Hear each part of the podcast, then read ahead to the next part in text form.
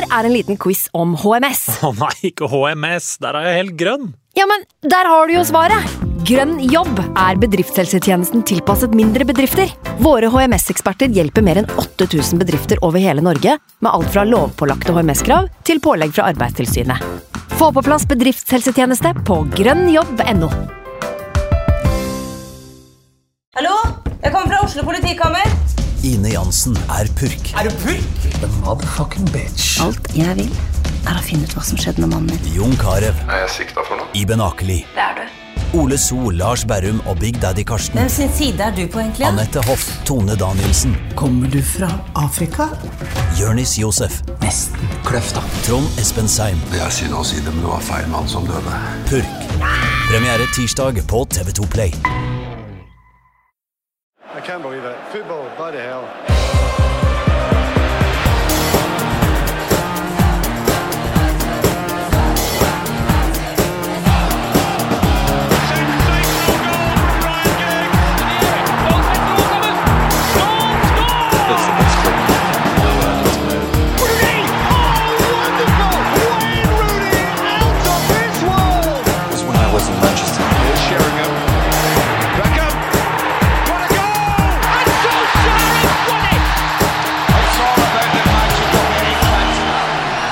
Velkommen skal du være til en ny episode av United We Podcast. Endelig tilbake i eh, studio igjen, vårt podkaststudio. Og det har jo skjedd en del ting siden eh, forrige podkast. United har røket ut av Champions League. Spilt uavgjort i Manchester Derby og på en måte fått kontakt med toppen i Premier League også, så det er både negative og positive ting å ta tak i. Eh, Mats Arntzen fra VG, velkommen. Takk. Hei. God jul.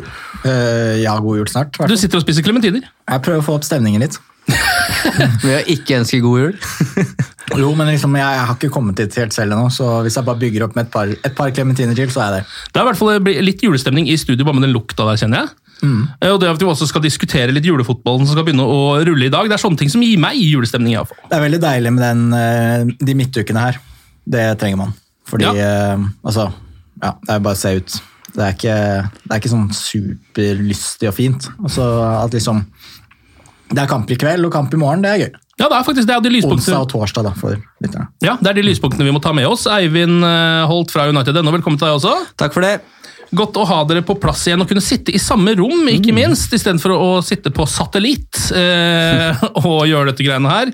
Um, I dag så er det Vi kunne ha på en måte eh, gått ned i detalj på en hel haug med fotballkamper som har blitt spilt siden eh, sist. Nå er det jo så mye fotballkamper. Eh, Så mange United-kamper eh, at man blir jo nesten litt svimmel av det. Jeg tenker vi ikke skal gjøre det, jeg tror vi heller kan se på det litt store bildet, kanskje. Em, har jo nevnt eh, i hvert fall de viktigste tingene. Kanskje vi skal starte med eh, Uniteds Champions League-eventyr, som jo er over. Det, det kapitlet kan vi på en måte bare allerede lukke. Eivind, hva tenker du? Jeg syns det var veldig, veldig tungt, for å være ærlig.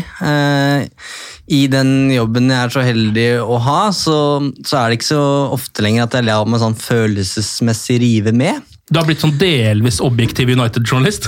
Ja, fordi du er på en måte på jobb, Ja. eh, nesten uansett. Um, så, men akkurat det der, for meg, og så har Champions League hele veien vært liksom symbolet på Det er det som representerer situasjonen, på en måte. Det er det, man, det, er det United jager etter når de ikke er i Champions League.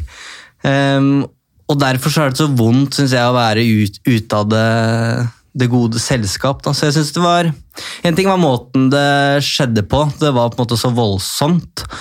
Um, men det å på en måte vente på den trekninga, se Liverpool, Chelsea Hvem skal Ronaldo møte, hvem skal Messi møte, og så er ikke United med. Og så er det Europa League-trekning etterpå. der er en ny ventetid nå hvor vi må vente på disse torsdagene som kommer. Så jeg syns det var skikkelig vondt. Et eh, steg tilbake for Solskjær.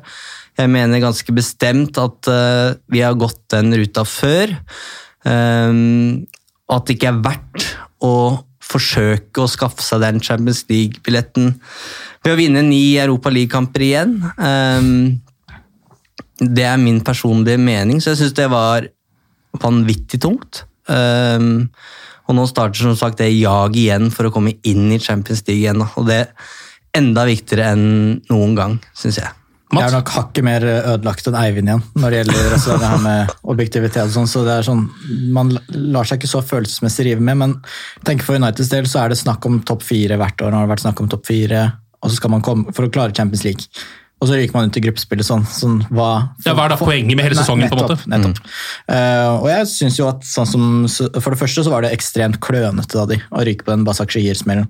Både hvordan, de, hvordan det skjedde, uh, selve kampen, og altså at- de klarer å tape den er jo ganske vanvittig. Uh, så det, det er rett og slett klønete av United.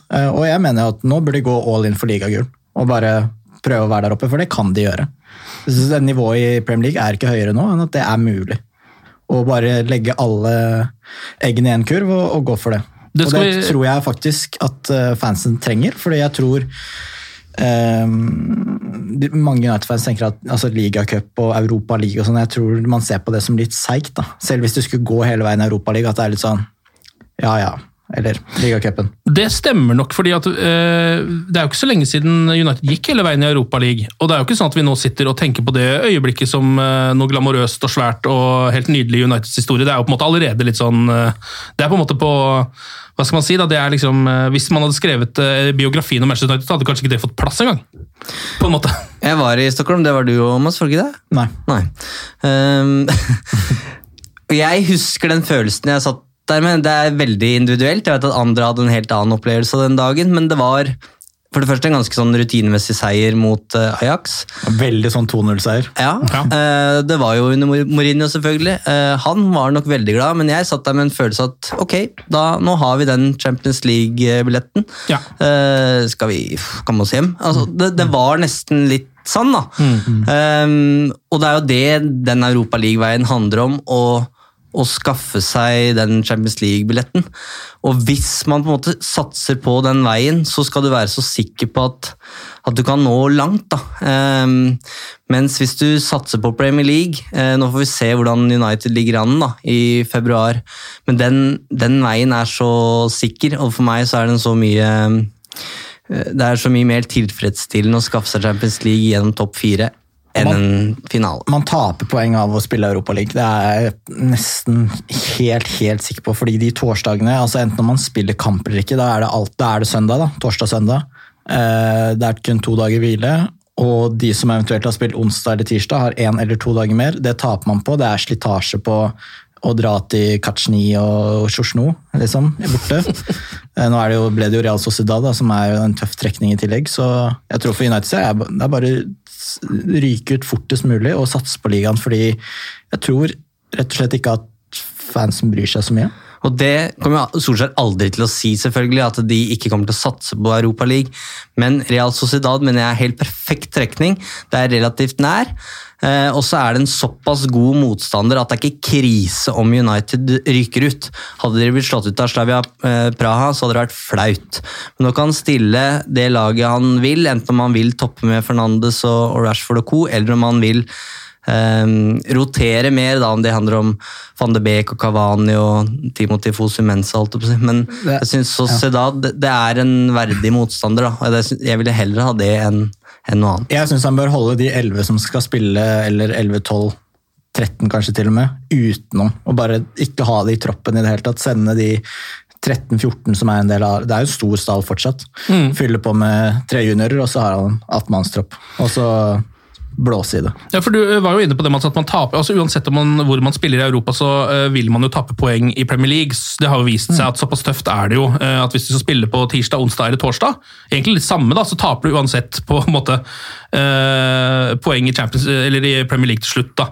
Eh, så de lagene som har kommet langt, selvfølgelig, eller sånn kommet langt i Premier League og vunnet, og sånn, så bortsett fra Liverpool, da, som jo gjerne har gjort det bra på begge sider av eller begge, begge turneringer, har jo gjerne måttet ofre det ene for det andre. Det er jo litt sånn det på en måte litt fungerer, da. Ja, Du ser jo hvordan de klager på å spille onsdag kveld og lørdag formiddag. Det er ikke så mye bedre å spille torsdag kveld og søndag ettermiddag. Nei, nei, en nei. måte. Det er- nei. Men det er uansett, det blir jo såpass mange kamper, og man må jo da, spesielt da i Champions League, så må man jo hvis man vil komme langt der, og det gjør, vil man jo hvis man er der. Helt til man blir slått, så satser man jo på den turneringen, eller i hvert fall de fleste gjør det.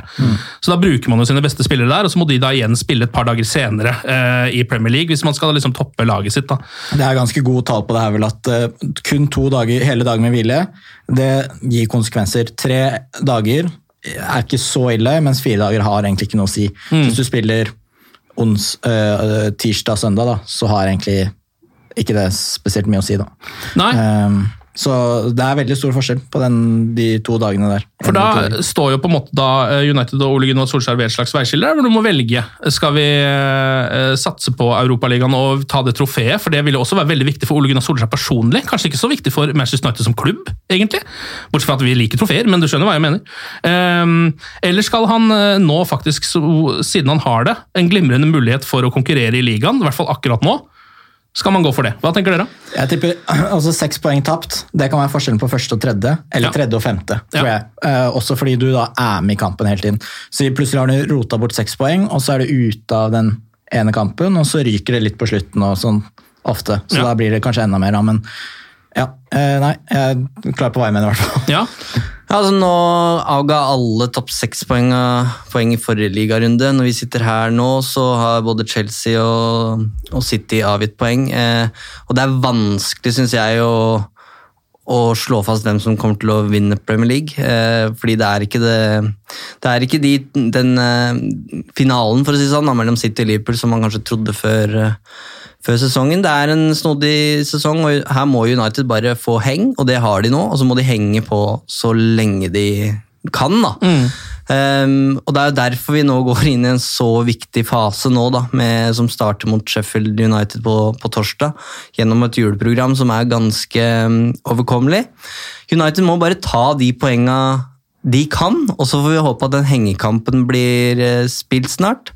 Um, og så får vi se hvordan de ligger an i, i februar. Men eh, til tross for en høst og vinter med vanvittig mye kaos rundt eh, Maguire og Greenwood og Pogba og Solskjær og Pochettino og alt som er, så er United i veldig god posisjon faktisk i Premier League. Og jeg tror faktisk at Solskjær selv tror at det kan gå med Leo Gull. Ja, ingen er jo større optimist enn han. Nei, og jeg tror, jeg tror han tenker at det kan gå. Um, og United har en liten styrke nå. så selv Liverpool har tatt én seier på seks kamper borte i ligaen i år.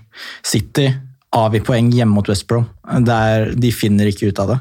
Um, Arsenal er jo bare å glemme. Tottenham overpresterer noe helt vanvittig. Jeg tror ikke de har den styrken som Leicester hadde. De er litt like på en del ting. Eh, Ja, men Bortsett fra kvaliteten på spillerne, kanskje. da, Den er jo større i Spurs enn det det var i Ja, Leicester. Altså, man kan jo kanskje sammenligne sånn og Mares og Vardi og Kane på en måte, og sette opp noen sånne Kanté og Høibjerge og sånn, men allikevel det Ja, men Tenk på hvor de er, er nå, da. Ja, altså, det, er ikke, altså, det er jo så klart bedre. Altså, Hoot og Morgan var jo midtstoppere. Det var jo helt vanvittig. Men allikevel, altså De sliter med å slå lag som De er enda dårligere enn United i etablert angrep. Altså. Og, Det kan i hvert fall minne om en Leicester-sesong hvor mm. den som griper sjansene sine, faktisk stikker av med det. Eh, Nå har vi ikke snakka om Liverpool ennå, men de har jo en skadeliste som, eh, som bare blir lengre og lengre. du Marino, eller? Alison, not injured. Alexander Arnold, not injured. Og så dro han hele laget, og så bare fant jeg ikke injured. Ja, det var veldig gøy. Men det rusker for flere, da. Og hvis United klarer å stabilisere seg, så mm, ligger det en mulighet der. Og jeg tror bare for å si det, Dette er perfekt for Solskjær. da. Den utfordrer, Det kommer bakfra i utfordrerposisjon som en slags underdog. Helt perfekt. Ja, altså det, her er jo på en måte den, den hva skal man si, avgjørelsen om hvorvidt man skal satse eh, på denne Europaligaen eller kjøre Premier League-løpet, trenger man jo egentlig ikke å ta før ut i februar når det begynner. Nå må man jo først se hvilken posisjon man er i når den tid kommer. Men jeg har litt lyst til å, eh, om ikke dvele, så snakke litt mer om hvordan de røk ut av eh, Champions League. fordi Jeg kan ikke huske å ha sett, i hvert fall ikke Manchester United, men egentlig ikke noe fotballag ha et så godt utgangspunkt og klare å drite seg ut så hardt. Eh, Det var nesten litt sånn eh, etter hvert der at nå skal alt gå skeis. Altså etter, de, etter starten der med de, eh, altså seier mot PSG, eh, Leipzig, Basak Sehir selvfølgelig. Eh, og så liksom sitter de plutselig der med en sånn slags eh, Ja, altså de eh, har jo alle kortene på hånda, da. Og klarte å spille dem ut helt totalt feil. Eh, dere hadde vel sagt på at det var Både jeg og Mats har skrevet om det. her. 4 av 59 eh, ganger før, tror jeg. At et lag har vunnet eh, de to første kampene og røkt ut. Ja. Eh, og to av de var jo et sånn CSKA Moskva og et annet lag som ikke var sånn all verden. Og så var det vel faktisk Real Madrid? Aj- Ajax var jo det ene med Donny van de Beek, så han har Ja. gjort det to ganger. Ja. Um, men det handla jo også om de laga de slo der, at de slo PSG og Leipzig Ja. eh, i de to første kampene. og det Og måten de gjorde det på. ja. Ja, og da skulle man liksom bare ned til Tyrkia og hente egentlig den åttedelsfinalebilletten, og så har det gått som det har gått siden. Og det er jo, som Mats var inne på her, det er den kampen som står igjen som det som tabba da, i den gruppa her. Men jeg må jo si at gjort er på en måte gjort. Så når de kom tilbake derfra, så var det tre kamper igjen, da, og de sto med seks poeng. Ehm, og at det ryker uh, mot uh, PSG på Ja, den marginer, ja. På, ja, Ja, absolutt. Marginer, men de Det var den kampen Fred ble utvist, var det ikke det? Jo. Fordi det er også, altså det, det tror jeg er det eneste Manchester United-supporter har tatt en annen avgjørelse enn Ole Gunnar Solskjær i den kampen der. Og har da tatt en bedre avgjørelse. Det må man jo også kunne med fasit i hånd si. Og det er miste mulighetene til Martial. Det er den chipen de til mm. som er helt fantastisk. Ja. Eh, De har noen helt enorme overganger i den kampen. her. De har ganske god kontroll på kampen. Og så så klart sprekker de jo opp da. Det var vel sikkert greit at de gikk for 2-2 heller enn å sikre mm. altså, gruppe seg mot PSG. Det hadde jo ikke hatt noe å si. Nei. Men uh, um, så er problemet litt sånn som mot Leipzig. Da, sånn, hvis jeg klarer å gjette hvilken tilnærming United kommer med, så tipper jeg Nagelsmann og Timans klarer det òg. Ja. Uh, og sånn så det jo veldig ut i åpningsminuttene. Altså, Man skjønte at Solskjær kom til å komme med tre bak, at han kommer til å legge om. Eh, visste at De hadde jo flere, Han sa det etter kampen, de hadde flere, altså to ulike Ja, visste- kampplaner ut ifra hvordan forsvaret til United sto. De visste at det kom til å være eh, rom på, på sidene. Um, Det ligna veldig på den kampen mot Brighton. Eh, I starten der hvor var det Solly March som bare sto og dunka volleyer uh, fra venstre der uten å få så mye ut av det, da, men allikevel. så jeg, jeg syns ikke United var godt nok forberedt på å ta ut det Leipzig kom med. da. Eh, også greit, De hadde jo en plan A og en plan B, men da burde United vært like godt forberedt på eh, det ene eller det andre der. Og det har jo vært litt, eh, litt kritikken, kanskje, sånn hvis vi går litt lenger tilbake i tid, da, at United ofte ikke har vært godt nok forberedt i et par kamper. eh, Eller at de ikke har vært flinke nok til å ta grep. Nå har de jo truffet veldig bra i ganske mange store kamper.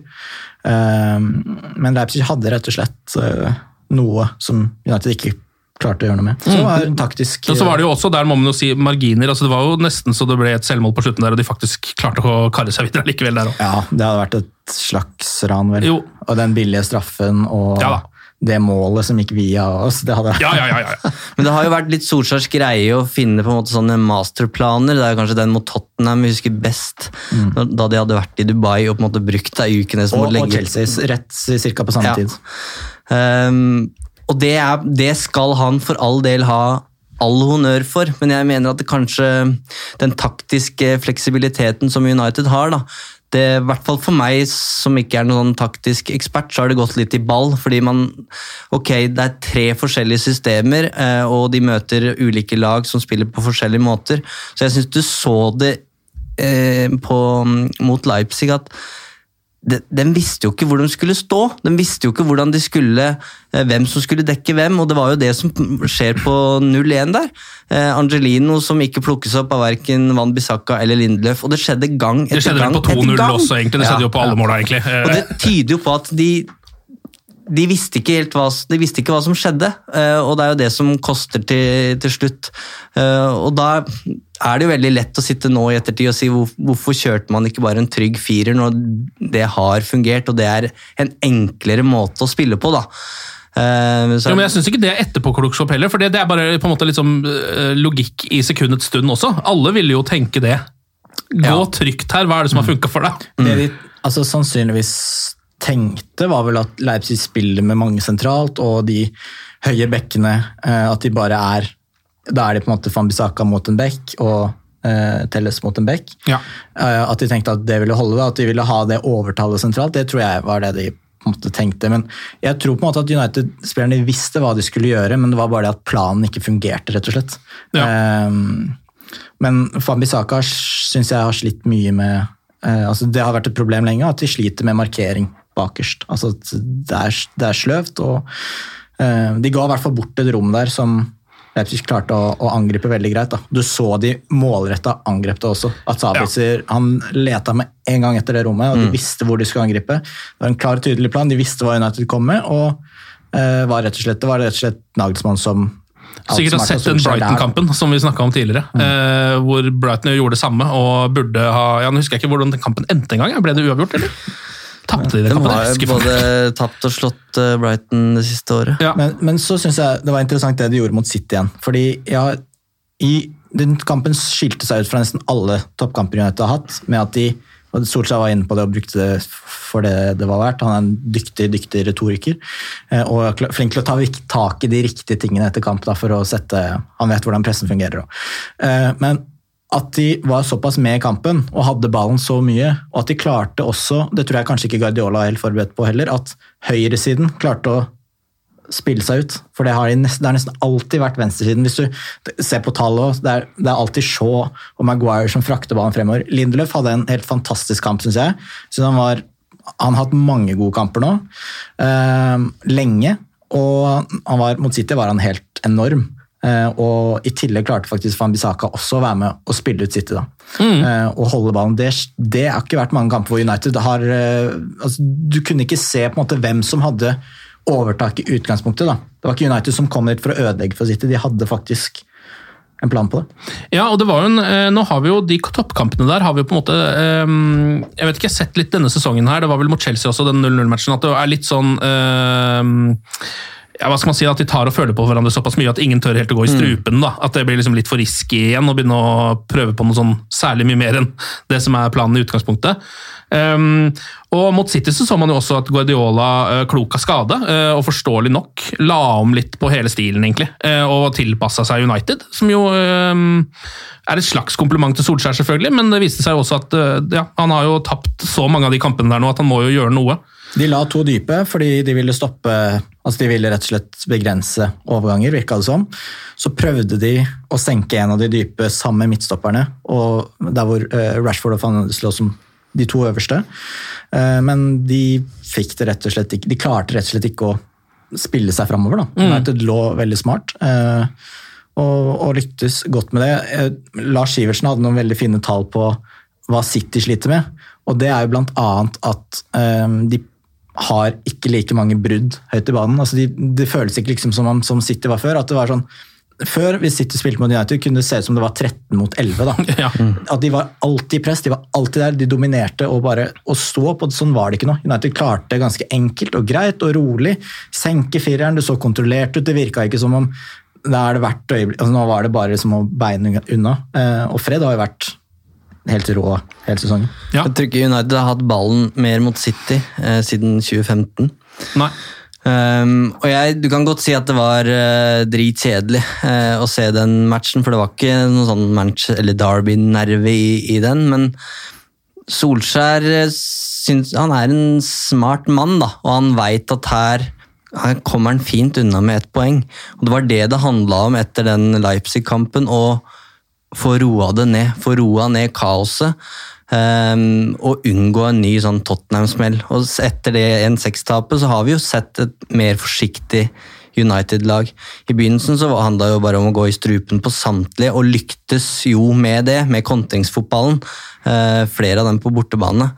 Um, men nå har de altså tapte de jo eh, 6-1 mot, uh, mot Tottenham og har tapt mot Arsenal og spilt uavgjort mot Chelsea, alle på hjemmebane, og nå også City. Og jeg tror Det bare, det handla bare om å unngå eh, at det skulle bli eh, heller mer bensin på det bålet. da. Inn mot juleperioden og ett poeng mot City. Det er ikke sikkert det er så, så gærent. United var jo fort vinneren egentlig av den runden, faktisk. Fordi Ja. alle andre avga mot Palace og Fulham osv. Ja, og sånn er jo denne sesongen her også. Det er jo derfor det er litt sånn eh, nesten synes jeg er litt vanskelig å måle prestasjonene til ikke bare Manchester United, men til Ole Gunnar Solskjær også. Når man ser liksom at uh, alle de andre som uh, blir rangert på hans nivå, da, sånn som Frank Lampard blir jo ofte sammenligna med Solskjær. liksom. Um, og der er det jo også litt det samme. Du ser liksom Han får et eller annet stabla et eller annet på beina, det ser ut som Chelsea har et eller annet på gang, og så plutselig bare boom! 2-1-tap mot Wolves. Ja, men eh, Chelsea syns jeg absolutt har noe på gang, og de har hatt tre store sjanser imot de siste åtte kampene. Så, Ja, Og eh, sluppet inn på alle, egentlig. Ja, omtrent. Og et par til. Ja.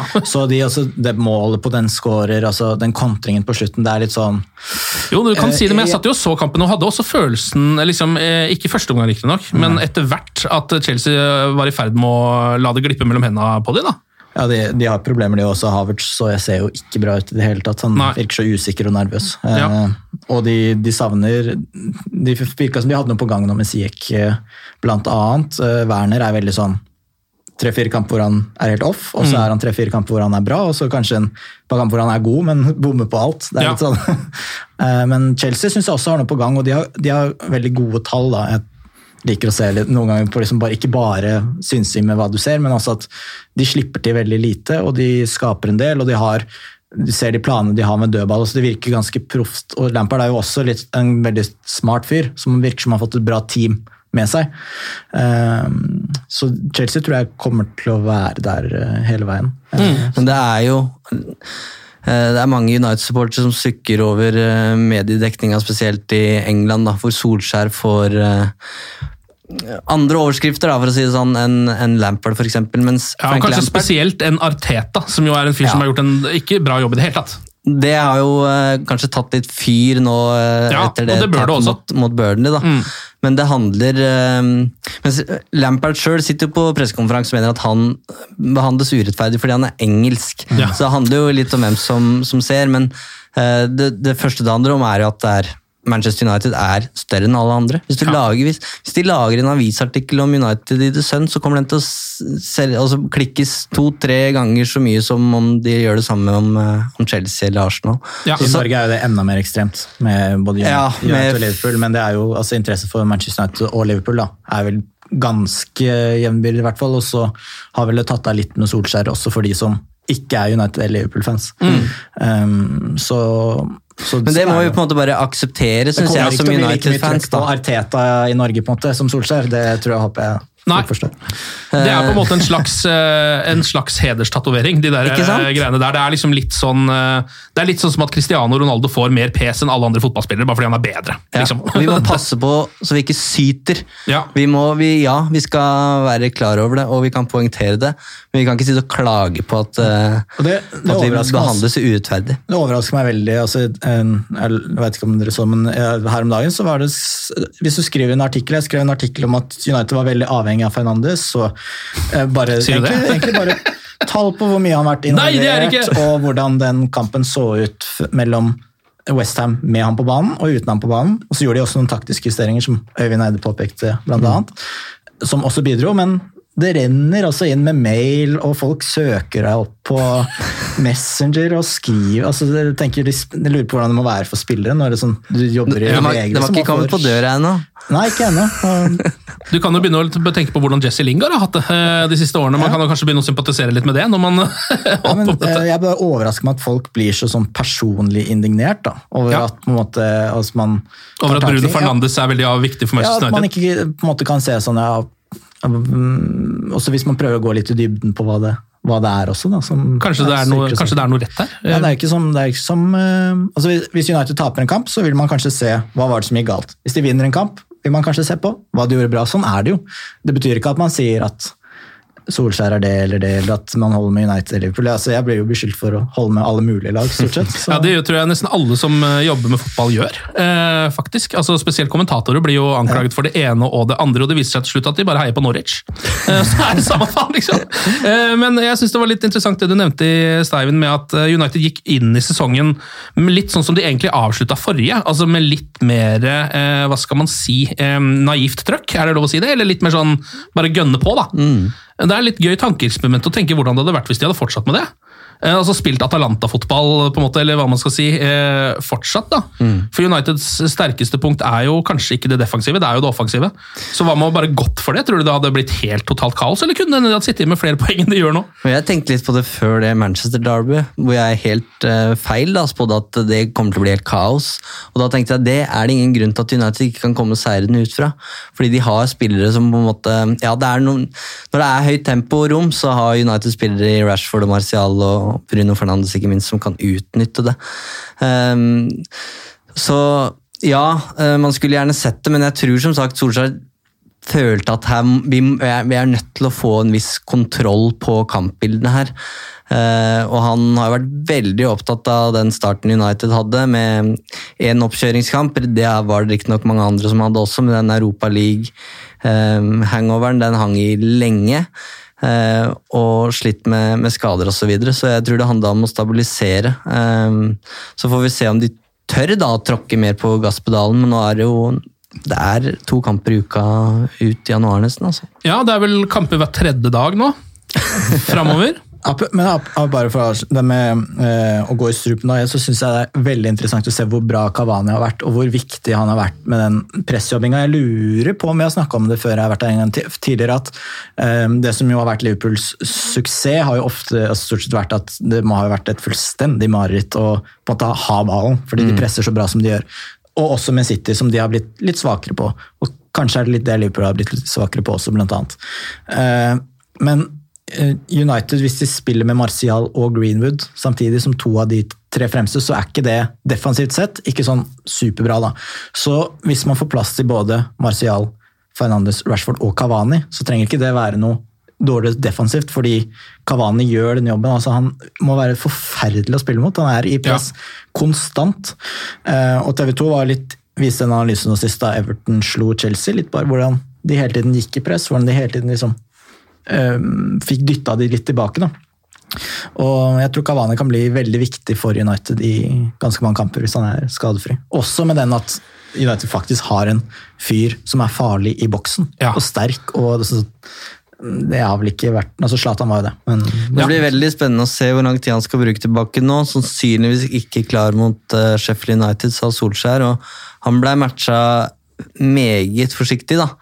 Eh, inn i elveren der, og så, og så kom den skaden. Og det kan jo også være en trekampers uh, utstengelse som, eh, som dukker opp et eller annet ja, tidspunkt. den kunne han jo, De burde kanskje fremskynda det litt. Grann, Ja, ja, den saken burde jo på en måte vært greit å ja. Ja, fortsatt ikke avklart. Det hadde vært greit å gå skada gjennom det, men det Jeg er skjønner ikke ikke hvordan det er mulig å bruke så lang tid. Nei. Det er jo helt vanvittig. Det er veldig rart. Er veldig, altså, bevisene er jo der, på en måte. Det er ikke så mye mer enn det. De henta jo inn eh, på uttalelse fra Cavani og United samme uka, så de har jo sittet med det de trenger lenge. Eh, Vi må jo selvfølgelig snakke om Paul Pogba, eh, fordi det er jo Manchester United-podkast. så da må vi det.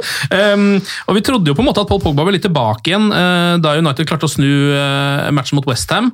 Um, lå under 1-0 til pause og uh, vant til slutt 3-1. og var Pogba som uh, på en måte satte i gang det comebacket med en fantastisk langskudd.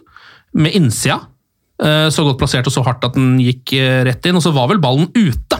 Det må vi jo nevnes, men det fins jo ikke noen sånne ja, bare David Moyes som så det. ja, for den gikk rett over hodet på han. Eh, Og han sto jo utafor banen, for han har ikke lov å stå på banen. Eh, Jeg Så kan det, ikke var- skjønne at den ballen ikke var ute. Sånn som, Den det, var var, ute. det var umulig å bevise. Det, det, var det, som det er jo ikke noe goal line technology på sidelinja. at folk prøver å tegne sånne var-streker opp i lufta, det funker ikke det heller. Altså. Men det var så gøy da den gikk til VAR, for jeg tenkte sånn Oi, hva skjer nå? Hva skjer nå? Hvordan skal de sjekke dette? Har de et kamera? Hvordan skal de finne ut av dette? Og så var det bare sånn ett sekund, så bare sånn symbolsk var. Så bare Nei, vekk med den, det var ikke noe. Det var ikke noe vits. Vi måtte bare liksom late som vi sjekka det. For det er jo ikke noen måte å sjekke det på. Nei, men det er jo rart, fordi NFL har det vel eh, Ja. teknologi på det der. Der er det liksom viktigere, på en måte. Eller sånn om Det skjer vel oftere at, Ja. ja. Og der er det jo ball Ja, eh, det er liksom- en større del av spillet, da. ja, det er på en måte spillet, da, om den er over. Ja, det er liksom hele spillet. Så vidt jeg har forstått. ja. Så, øh, og så øh, går jo matchen veien til slutt. Det er jo tre fantastiske Manchester United-skåringer øh, mot Westham. Altså første til Pogba, rein klasse. Greenwood sitt, Bergkamp-aktig, liksom. Vipper den opp, volley inn. Helt, og Det var jo på et tidspunkt hvor man tenkte at Greenwood kanskje om enten var i litt dårlig form, eller kanskje var på, i ferd med å liksom ikke ta helt det neste steget. da. Eh, og Så kommer det målet der, og så kommer målet til Marcus, nei, til Marcus Rashford på slutten der. Eh, Pasningen fra Mata der smeller han gjennom til Rashford, som bare chipper den over keeper. Det er liksom sånn, det er tre drømmemål, da. Eh, og så stikker United da med tre etter nok en gang å ligge under, selvfølgelig. Og jeg fikk en sånn, jeg, Den kampen trodde jeg skulle være en liten sånn Nå! Nå er det liksom der igjen, hvis du skjønner. Altså det, det føltes ut som en sånn um, mer enn bare en kampkamp. Og Apropos Bruno Fernandes, da, før vi går til Pogba, så ser vi jo der i de første 45 minuttene hva det Manchester United-laget kan, kan være uten Bruno Fernandes. Og Det er jo det som er skummelt, når du får en spiller som er så vanvittig god og bidrar på så vanvittig mange områder, at når han ikke er der, så blir det et tomrom som alle bare står og ser på hverandre. Ja, hvor blir det av de pasningene som pleier å komme? Men det holder nesten ikke med bare han heller. Det må. Ja, for- det må nesten være begge to, føler jeg, for at det virkelig skal ja. West, West Ham kunne jo bare stå etter, fordi det var, jo, det var jo ingen trusler. i Det hele tatt. Det var ingen som kunne ta imot ballen i mellomrommet. Det var ingen som du kunne bare slå i bakrom på. Så det var bare sånn, de kunne bare angripe, angripe, Ja, ja. angripe. angripe. Det er sånn. Hvis, det ikke er to, hvis du slipper å spille begge veier, så er det veldig enkelt. vil jeg tro. Ja, Det var jo selvfølgelig, altså det, ja, det er jo nesten skummelt å se forskjellen når det er én omgang med og én uten. Uh, på en måte Å se hvor stor forskjell det er på Manchester United. Uh, Det men- er skummelt, og så er det et kjempekompliment til Bruno Fernandes. Det bare understreker hvor viktig han er. da. Og det er jo de som eh, hver gang det er snakk om Bruno, peker på, på straffene, liksom. Men han er mer enn en straffetaker. Ja, er du gæren, altså. Han ble vel eh, månedens spiller i Premier League, ble han ikke det? Ja. Eh, ganske så fortjent. Tredje gang i kalenderåret 2020. Og um, Det er ganske bra, det er det ikke? tangerte da Ashley Young fra 2000 Jobb! Fra, nå- fra når da? 2008. Og Harry Kane fra 2017. Der ser du de tre beste eh, spillerne gjennom tidene. Bruno Fernandes, Ashley Young og Harry Kane. Kan ta desember av hvis han jobber på litt. Ja, man kan jo det. Eh, og så er jo ikke minst den kampen der en sånn følelse av at Paul Pogba kanskje skal begynne å bidra litt i rødt igjen. Ja, ikke bare fordi han skåret et nydelig mål, men han spilte en ganske bra kamp og så en bra andreomgang. kan man kanskje si da. Ja, han må jo prestere uansett eh, hvor han har lyst til å dra eller hva han har tenkt til. Altså, det er ikke bare altså, Det kommer et EM-sluttspill som han har lyst til å spille. Altså, det, han må jo prestere. Det er vanskelig å ha sånn supermye friske takes på Pogba, og jeg tror folk også er litt sånn ja, Høre det samme om og om igjen Det er Mm. kanskje ikke så spennende, men han må prestere, og så jeg tror bare man får, skal lene seg tilbake og se hva som skjer. Men jeg tenker at vi heller kan spekulere litt i dette forholdet mellom agent og spiller. på en måte. Fordi Mino Rajala, da, agenten til Paul Pogba, eh, som jo er, ifølge Han vant en sånn kåring nå, verdens beste agent. Eh, vet ikke helt hvem som ga ut den prisen. det er det som er litt interessant, bare for å skyte inn der, Ken. fordi det første jeg tenkte når jeg så de sitatene fra Tuttosport, var jo at det her er jo ikke tilfeldig. Dette, dette øyeblikket her har Mino Raiola sittet og venta på. Han har jo venta på at Paul Pogba skal enten gjøre en veldig bra prestasjon Ja. eller skåre et nydelig mål. Ikke sant? Og så kan han komme ut og si dette. Umiddelbart etterpå så kommer da den eh, det intervjuet, da. Mm. Um, Det hadde men- vært gjort to uker tidligere, da. Ja, og det er det, fordi dette var jo kobla til eh, Golden Boy-kåringa som Tuttosport eh, fører, og de har også en eh, kåring for agenter hvor Mino Raiola blei kåra til verdens Yes. beste agent. Så det jo Det har jo tydeligvis ikke noe med timing å gjøre, sånn sett, da. Men at det kommer, det er jo ikke første gang, og det er jo heller ikke overraskende.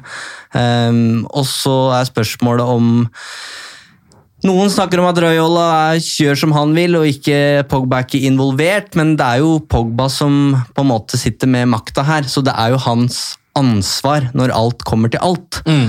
Um, Kontrakten er til 2022, eller? ja, Ja.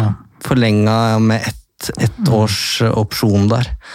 Men det som jo var litt eh, altså det, fordi I uttalelsen til Raiola så kom det jo fram at han eller sånn, Da tolka folk det som at Paul Pogba går i januar. Og med en sånn type uttalelse som det der også, etter å ha vært i en såpass trøblete situasjon som Paul Pogba har vært i, er jo en litt sånn Da byr man opp til at han skal dra i januar, da. Det er jo det man på en måte gjør ved å komme med den uttalelsen. Ja. Så da må jo det ha vært um, altså Dette her må jo ha vært, eh, om ikke godkjent av Paul Pogba, så er ikke dette noe han bare slenger ut. Nei. Det kan jeg aldri tenke meg, fordi da, uh, da, hadde, da, da må du sparke han, liksom. da hadde ikke Mino Royal hatt den klientlista, da. Nei! Et, men ett og et halvt år før er både logisk sett, det er vel ganske kjent, det er da kontraktsforhandlingen skjer, da, ofte. Fordi eh, da er det, til sommeren er det ett år igjen. Da er det enten gratis neste år, så da sitter plutselig Pogba og agenten med enda bedre kort. da. Så det er sikkert, det er sannsynligvis en forhandling pågående på hva skal vi gjøre. De må selge nå, eller forlenge kontrakten.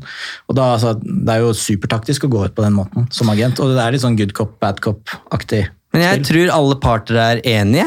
Jeg var enig når jeg leste sitatet fra Raiola. Ja, selvfølgelig er Pogbas tid over i Manchester United. Jeg tror Pogba vil et annet sted. Manchester United syns det er helt greit om Paul Pogba drar et annet sted. Og Mino Royala, selvfølgelig vil han ha Pogba et annet sted. Ja. I sommer helt umulig å få til noen avtale. Uh, og Så får vi se hva som skjer neste sommer, men jeg tror jo som sagt alle parter er fornøyd om det skjer. Men United vil jo ikke slippe Paul Pogba eh, for en billig penge. De vil ideelt sett ha igjen alle de 90 millionene de ga. Eh, og så spørs det om det er realistisk nå, med tanke på det halvåret som, som står igjen. Pogba er nødt til å levere, og vi er i et koronamarked hvor eh, Real Madrid og Juventus og PSG de har begrensa med midler.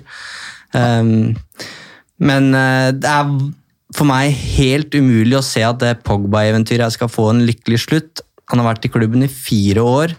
Um, vi stiller oss fortsatt spørsmålet hvordan skal man få det beste ut av Pogba. og Forholdet mellom Pogba og fansen det er så tynnslitt at det er bare de mest eh, lojale holdt opp, si, som, som har trua på at det her kan gå. Han fyller 28 år i mars òg. Det er, eh, det, dette blir på en måte den kontraktsforhandlinga her er hans siste store langtidskontrakt. da, Som sikkert går til han er 32-33. Og hvis vi har sett på de andre spillerne som er i den alderen, så er det ikke så ofte at de på en måte har så mange gode år igjen. da. Nei. Og forlenge med en så, Han er 29 år i 2022. eh, Da har han runda 29 år. Om United da skal liksom forlenge den, det virker jo ikke smart med de lønningene han har. Og de holdningene. som Ja, har og de prestasjonene. Ja, nettopp. Um, så der jo, jeg tror de fleste er vel enige om det at han må at det er jo, Når det blir um, såpass sånn gjentagende også, så slutter det jo på en måte bare å være uh, Jo, men dette er en god spiller som vi skal få orden i. Det begynner jo å bli et, uh, en, en svulst ikke sant? i hele klubben, på en måte. Uh, og det stormer jo alltid rundt Manchester United. Det kommer alltid til å være journalister som finner nok å skrive om Manchester United. så kan godt tenkes at hvis det ikke er Pogba, så blir det noe annet. da. Altså, skjønner du, men Det fins alltid noe man kan uh, storme opp rundt United. Um, men akkurat Paul Pogba har jo vært altså Det er jo på en måte en sånn um, jeg vet ikke om det bare gjelder for meg, men liksom når den uttalelsen kommer uh, rett før United eller Manchester Derby og sånne ting, du, man får jo en slags sånn følelse at uh, dette her uh, er det flere enn bare supporterne som blir distrahert av. da. Mm. Og jeg synes det er håndteringa av den Pogba-saken fra dag én, fra Solskjærs side, det syns jeg han har gjort i terningkast seks. Det er kanskje hans største eh, prestasjon, syns jeg, som United-manager i den garderoben. Um, for det har, som du er inne på, da, vært en svulst i rundt hele Det har vært eh, en situasjon som har prega klubben i så stor grad. Da. Mens han i høst vraka vel Pogba i tre eller fire kamper uten at det egentlig eh, på en måte ødela stemninga rundt klubben på noen måte. Og han nekter jo å snakke om det her, eh, om eh, uttalelsene fra Royala i, i, på pressekonferanser. Helt riktig. og Utgangspunktet hans nå må jo bare være å få Pogba til å fungere ut sesongen eh, på et eller annet vis, og så får det som skjer i sommer, skje. Ehm, men målet må jo bare være å få det beste ut av Pogba nå, så han må jo få lov til å spille hvis han er god nok på trening. Og Solskjær snakker om at Pogba er profesjonell. Eh, Det har vært spillere i klubben som har nekta å trene, som har nekta å spille. Ja. Han, han nevner ikke navn, men vi kan jo tenke oss hvem det er, hvem som forsvant i, i, i sommer. Ehm, så jeg syns Solskjær håndterer den saken vanvittig godt. da. Og hvis han nå også klarer å få stabilisere mm, situasjonen rundt Pogba og få noe godt ut av han, så, så står den fortsatt i terningkast seks i mai. Får håpe at uh, man uh, bare kan få inn litt uh, gryn for den mannen, fordi det trengs jo i United, for det trengs jo forsterkninger eh, i det laget. Nå er det jo snakk om at det er, og dette er vel egentlig de samme prioriteringene som det har vært hele veien, altså høyrekant og eh, ja, midtstoppere, så vidt jeg har skjønt, tolka det, er det som på en måte prioriteres eh, når du skal kjøpe spillere for United nå. Det tror jeg på en måte kanskje ikke gjelder så mye nå i januar. Jeg ser for meg det gjelder liksom egentlig på sommeren. Ja. Men uh, har, er det noen som har noe troa på noe kjøp i det hele tatt uh, nå, når vinduet åpner igjen på nyåret? Jeg lurer på om det sitter noen i Dortmund og klør seg i huet og lurer på hvorfor de ikke senka priskravet for Jaden Sancho i sommer. Ja. For han er eh, ikke den spilleren han var for ett år siden. Ehm, og de har jo skyldt på Manchester United at den overgangssagaen eh, var så forstyrrende at han ikke har eh, riktig fokus. Det kan jo stemme hvis han var eh, gira på å gå til United og tenkte at det skulle bli noe av, og det ikke blei, så kan det altså det kan jeg se, det kan Da jeg har man skjønne. Ganske gode indiser indisier på at han var også. Ja. Ja, Solskjær har snakka med Sancho personlig. Ja. Og skal ha klart å overbevise han om å, om, om å komme, men eh, klubbene ble jo ikke enige. og jeg tenker hvis ikke Sancho eh, får en oppsving i løpet av sesongen, så har ikke han vært 120 millioner lenger eh, til sommeren. Nei. Og det hadde nok ikke Dortmund sett for seg. Er det ikke bare ett år igjen også nå etter sommeren, eller? Nei, de, dem, eh, det kom jo fram at det var ett år til, så da er det 2023. Ja. Ja, ikke sant. Ehm, det som i hvert fall skjer, er at United får jo faktisk inn en ny spiller i januar. Nå vet vi jo ikke hvor bra han er ennå, kanskje, men Amad Diallo kommer fra Atalanta, 18 år gammel. Som ble hacka nettopp. Ble han hacka? Jeg tror det. Hva skjedde nå? det. Var noen meldinger som jeg det- det- ja, Å, ser du det? ja. Han la ut noen litt rare meldinger. Det var en veldig rar melding. Ja. Eh, Noen Fenerbahçe, var det? Ja, det var noe med noe, plutselig noe med Tyrkia. Etter. Hvorfor i alle dager skulle Amad Diallo gå ut og skrive noe dritt om Fenerbahçe? Altså, det kan jeg ikke skjønne at skal være noe vits, men En, enten så går han til Fenerbahçe nå i januar, eller så kommer han til United. så kommer han til United. Ja. Eh, og han eh, altså, er jo en lovende spiller. En uh, wing som visstnok skal være Han er ambidexter, så vidt jeg har skjønt. Så det vil si at han er like god med begge bein. Eh, det kan jo være en fordel. Jeg har ikke sett han spille, bare så det er sagt. Aldri sett noen kamper med han, men jeg vet at han skårte debuten sin i Serie A. Ja. da vant Atalanta riktignok 7-1, eh, så, så det Han hadde vel spilt en halvtime i Serie A når United kjøpte den i sommer, og så har han Ja. fått et par innhopp den sesongen her, men han virker jo som en spiller som har et sånt ekstremt sånn råtalent. Da. Han har en spisskompetanse på fart og teknikk som er ganske vilt. Eh, meget god for alderen. Og så skal jeg være han kjipe pessimisten da, som minner om at vi kjøpte en annen 18-åring som ennå ikke har debutert, da, og som har klart seg helt greit på U23-laget, men ikke noe Ja. mer enn det i Facundo Pelistri. Men Hamad Diallo er en annen spiller, og det kan godt hende han går rett inn på, på laget som 18-åring. Det Det er jo veldig spennende med så unge spillere, fordi når det kommer en 18-åring, så kan du enten få et talent, eller så kan du få liksom Cristiano Ronaldo. Altså, Du vet liksom aldri helt, da. Eh, Ja, og det, det blir jo bare mer og mer ekstremt. Han der eh, Dortmund Mokombo, er det han heter? ja, han 16-åringen. Han er jo Virker bra, han òg. Ja, han gjør det. Det er mye bra kids på gang. Eh, Det er jo også snakk om at eh, kanskje Daniel James blir utså, eller utlånt eh, til Leeds. De har jo vært ute etter han før. Da han kom til United, så var jo Leeds også ute etter han. Eh, Så, og hvis han, han. Han er, han er, som jeg sa, en sånn du kjøper på Football Manager som har 3,5 stjernepotensial når du kjøper han, og så synker han med en gang til 2,5, og nå har han sunket ned til 2 også. Ja, Potensial. ja. James, altså det mm, han, kommer nok, han, er, han er en fin squad-player og sånn, eh, passer veldig godt til en mm, del taktikker og, så, eh, og sånn, da, men han, han eh, ja, han kommer Det går begge veier, da, for vi hadde en kåring for uh, Nå husker jeg ikke helt når det var, men si at det var eh, halvannet år siden, kanskje, hvor vi kåra uh, Satte terningkast på kjøpa siden Ferguson. Da ga vi Fred to. ja. Eh, den er nok gått hvert fall to eh, Fått to prikker til nå, i hvert fall, om ikke tre. Ja. Eh, Men folk Men- er veldig sånn med forventninger, da. ja, de forventer og det som er med Daniel James, er at man ser jo at han har sin fart som han spiller på. Men når motstanderen måte finner ut hvordan de skal takle det, så har jo ikke han så mange strenger å spille på. Og han er jo fortsatt ung, men han er jo ikke på en måte et kjempetalent. Nei. Eh, Altså et, et ungt talent er han ikke. Så jeg meldte tidlig i høst, jeg husker ikke hvilken match det var, men da sa jeg at nå må det faktisk være Nå er han faktisk bare en backup-spiller. Han, han kan ikke gå inn og gjøre den jobben som, som skal gjøres, og jeg tror ikke han har, han har i hvert fall ikke starta siden han kom inn i Han har knapt vært i stallen Han også. kom inn mot Bashakshir og scora på overtid der, Ja. men eh, det er jo litt trist, fordi man tenker en spiller for 15 millioner pund fra championship går rett inn på United og løfter det laget. Oi! Er det fortsatt mulig, liksom? Um, Det var nei. det ikke. Det var ikke det. så det var litt synd, da. Det er jo, litt- det er jo litt sånn um, man for, hva man forventer. altså McTominay også blir jo United-fans er veldig veldig glad i McTominay. Eh, men jeg tror at hvis Paul Pogba hadde prestert som McTominay, så hadde ikke folk vært like Nei, positive. det er andre krav. Og hvis Dean Henderson hadde stått som DGA, så hadde det vært eh, demonstrasjoner for at han skulle stå i mål. Ja. på en måte. Ja.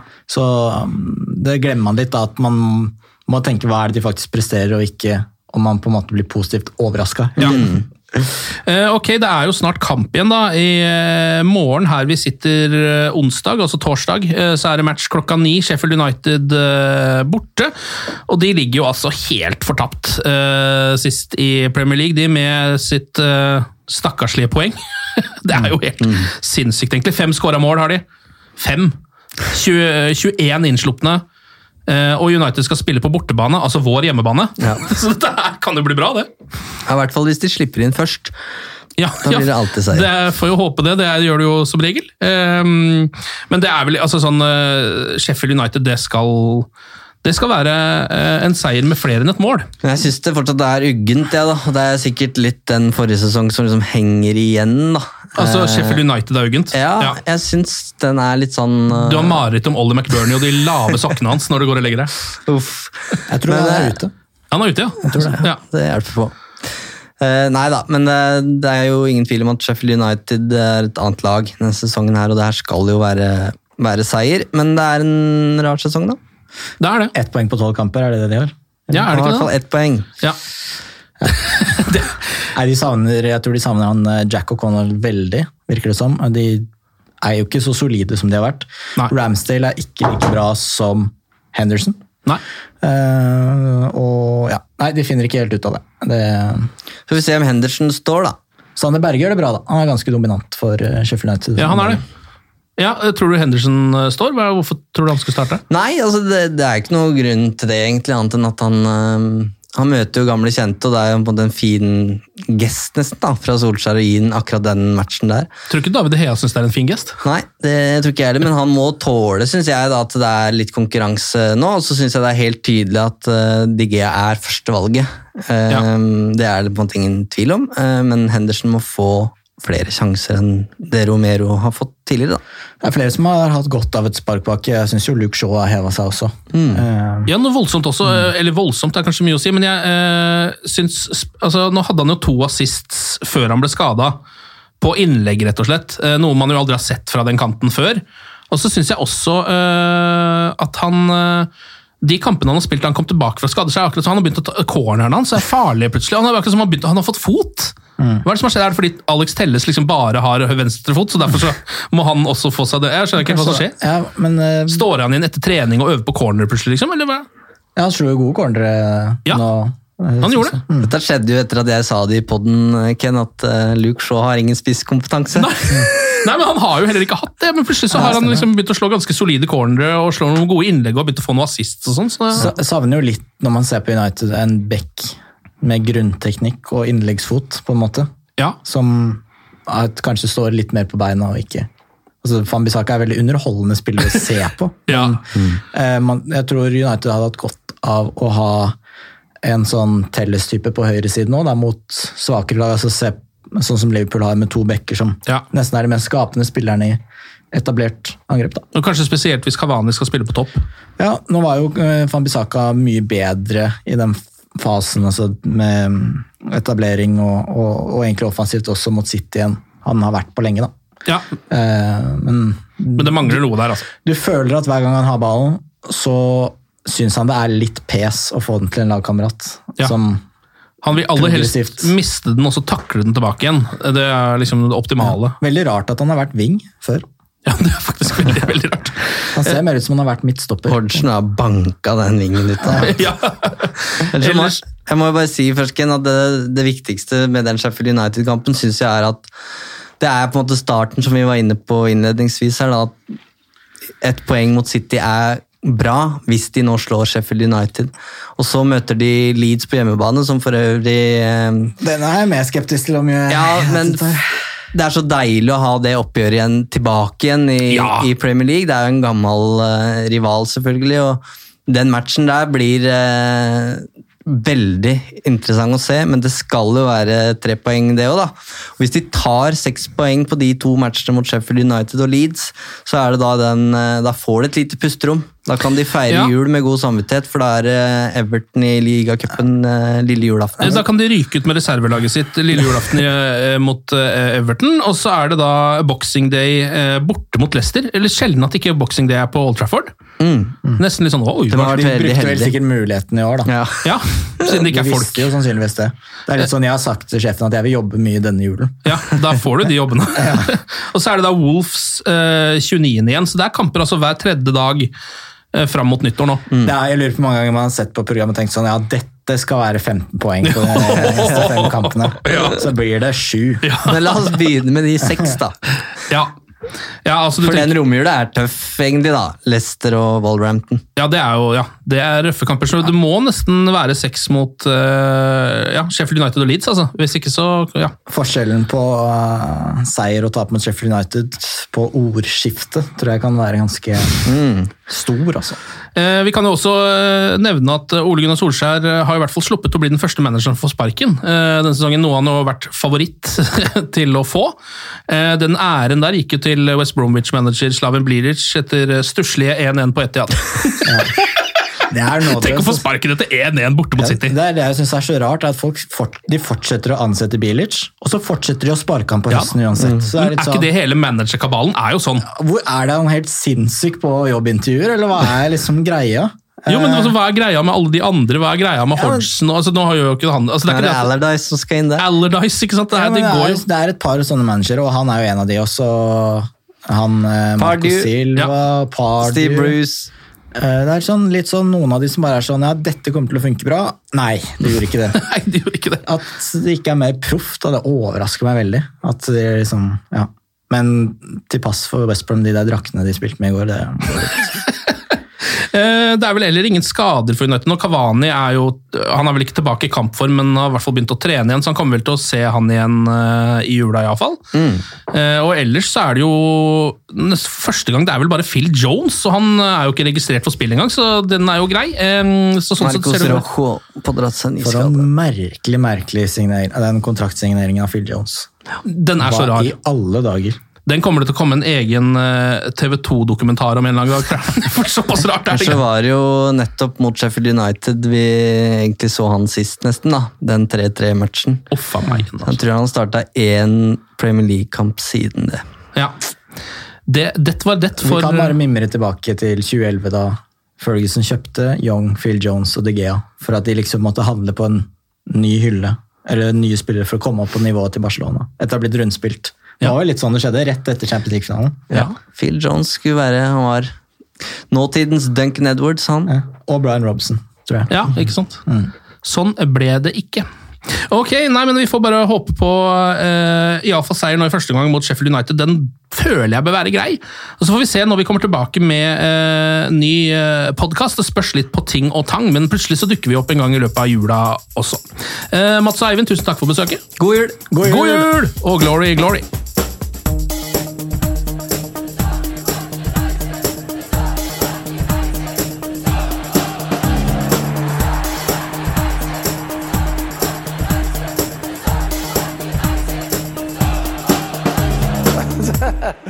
It's true. I've seen many things. Moderne media. Ukens annonsør det er matkasseleverandøren Hello Fresh. Der kan du velge mellom 25 ulike oppskrifter hver uke, eller få Hello Fresh til å sette sammen en meny for deg. Jeg sparer tid på å handle, oppskriftene er veldig enkle å lage, og så får jeg akkurat det jeg trenger da, til hver eneste rett, så jeg slipper å kaste så mye mat som jeg vanligvis gjør. Det er også litt deilig å faktisk slippe å gå på butikken, ikke bare fordi det er tidkrevende og sånn, men fordi man ender opp med å kjøpe så mye greier som man egentlig ikke trenger, sånn som fire poser eh, Smash og en kick med havsalt, eksempel. Det er ikke det du egentlig er der for, du er der for å kjøpe, kjøpe middag. Så det er en veldig eh, kjekk ting. I tillegg så er det jo eh, ferdigporsjonerte ingredienser, det blir mindre matsvinn, og du betaler bare for det du faktisk trenger, og det du faktisk da spiser. I tillegg så blir det da levert på døra. Eh, til et fastsatt tidspunkt, sånn at du kan få det akkurat når det passer for deg eh, sjæl. Hvis HelloFresh høres ut som noe for deg, så har jeg en rabattkode du kan bruke også. Gå inn på hellofresh.no og bruk koden HelloUnited24. HelloUnited i ett ord, også 24, og få opptil 1779 kroner i rabatt på de fem første matkassene dine hvis du ikke har prøvd Hello Fresh ennå. Du kan også bruke koden hvis du tidligere har vært kunde, men har stoppa abonnementet ditt for tolv måneder siden eller mer. Det er ingen bindingstid, og du kan pause eller avslutte abonnementet ditt akkurat når du selv måtte ønske.